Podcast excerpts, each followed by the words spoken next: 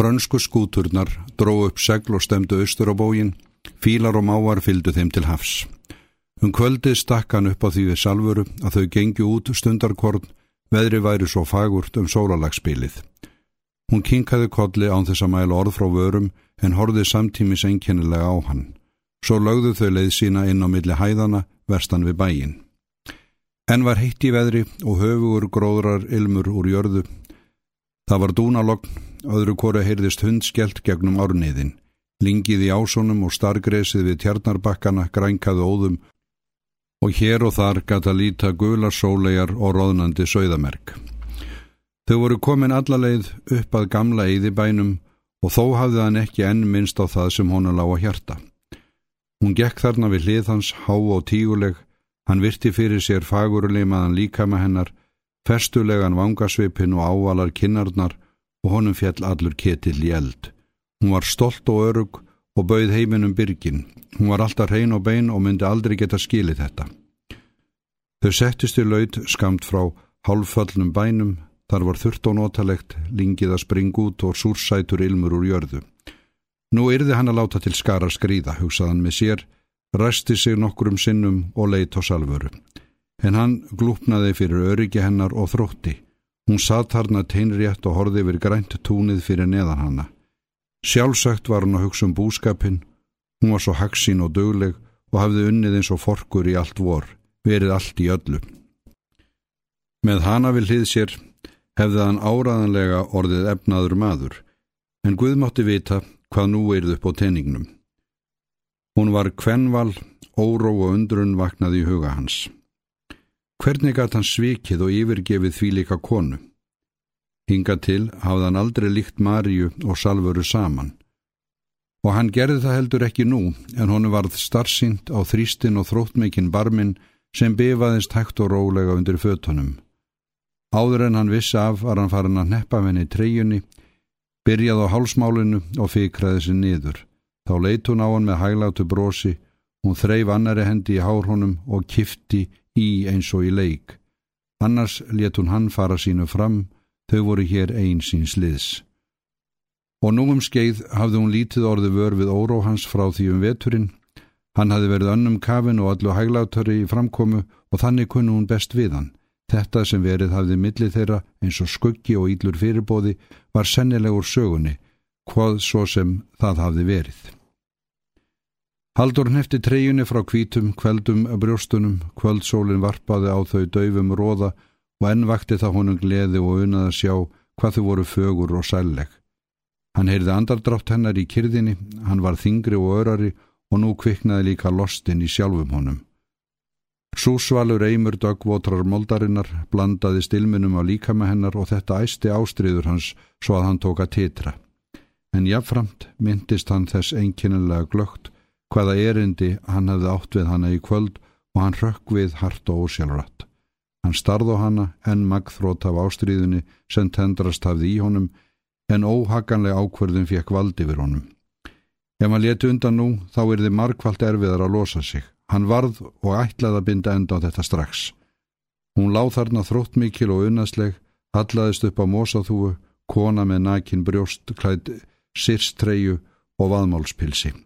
Það var eins og hún hefði sprottuð upp úr jörðinni, reynið saman við lifandi náttúruna, annar fótur hennar með þunnum skinskónum, kvíldi á svörtum moldarkögli og dögt þygt hár hennar, bylgjaði um lingið í lokkum. Viltar og seðmagnar ástriðurnar voru aftur í þann vegin að bera hann ofurliði. Hann leitt upp, rendi augunum á ásana fyrir ofan fjöllin sem kvöldsólinn róðaði og jökulinn. Hann gnæfði þarna hár og kvítur, bar svalan og reynan við vorbjartan heiminn. Hann satt góða stund og virti sín þessa fyrir sér. Trillingur blóðsinn sefaðist og óljósinn sárbligðun alltók huga hans. Svo laut hann að salfur og huldi brjóst hennar, síðan reys hann á fætur. Hert að koma, spurði hann látt. Aldri og æfisinni hafði honum fundist hann jafn auðmur, hugsanir hans voru allar á ringulreið. Hann gati ekki opnað munnin til að segja sem að segja þurfti. Miskunarlaus fullvisa þessa braustum í huga hans eins og fuggli búri. Hann varða að binda enda á þetta strax í kvöld. Hann forðaðist að líta á salfur og leiðinni heim að Katanissi, fann að hún horfi á hann en treystist ekki að horfast í augu við hana. Strax og heim kom bað hann Kristófer gamla að sækja báða eldishestana. Salfur var viðstöld og hlustað á en sagði ekki orð. Þegar búið var að leggja á hestana og Haldur bjóst að stíga á bak kom hún út á hlaðið. Hún mælt ekki orð frá vörum fremurinn áður en honu var snöggva slítið á hana og augnar á þennar krafðist skýringar. Hann leitt undan sneftur og reyður, svo katti hann og reyð af stað. Hann lind ekki ferðinni fyrir í afturheldingu, þá var hann komin heim að túni á rauni. Það ráði hann á lækjarbakka og liðkaði sig eftir reyðina. Hún var rorra í skapi, það var dögfall og svalt í veðri og þessi reyðin hafði sefað æstan hug hans. En sveið honum þó, hvað framkoma hans var lítilmótleg. Honum fannst að hann myndi aldrei lifa glada stund framar en samt þráði hann ákaft að koma heim á þennan stóra, fordlega bæ sem við honum blasti og hverfa til hennar sem svaf í litla loftherberginu. Ef hann bara hefði sagt salfur alltaf létta, þá myndi þetta liðið hjá. Hann botnaði ekkert í því hvers vegna hann hafi valið þann kostin sem vestur var. Nú gat hann ekki snúið aftur, en hvað tæki við þegar hann kemi heimað Katanesi með nýja konuefnið? Hvíðvænleg hugsun vaknaði hjá honum. Ef hann spiði gæf og gleði eftir allt þetta, þá var ekki mikið réttlæti til í heiminum.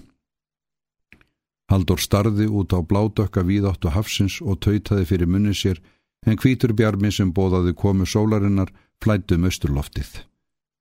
Þú gerir líka það sem ekki er hægt að fyrirgefa. Tóstu ekki mannin frá hennu Ólöfu í koti? Handlit hans var holdgrant og augun þreytuleg. En það er sama hvað það kostar bætti hann við. Það er hún sem ég verða að fá og hennar vegna myndi ég aftur svíkja Guð og menn. Svo rann sólinn úr sæ, sjóndeldarhingurinn titræði í bjartri tíbrá og vestmanæjarnar möruðu dökkar í sylfurlitum hafletunum. Viðfaðma hímininn varð heiður og blár. Sólinn var rósrauð eins og hún stýi hrein og vot upp úr baði, jörðin dögvuð og lofti svalt og hressandi. Fuglarnir voru vaknaðir og flugum með söng og vangja þitt yfir tún og ása.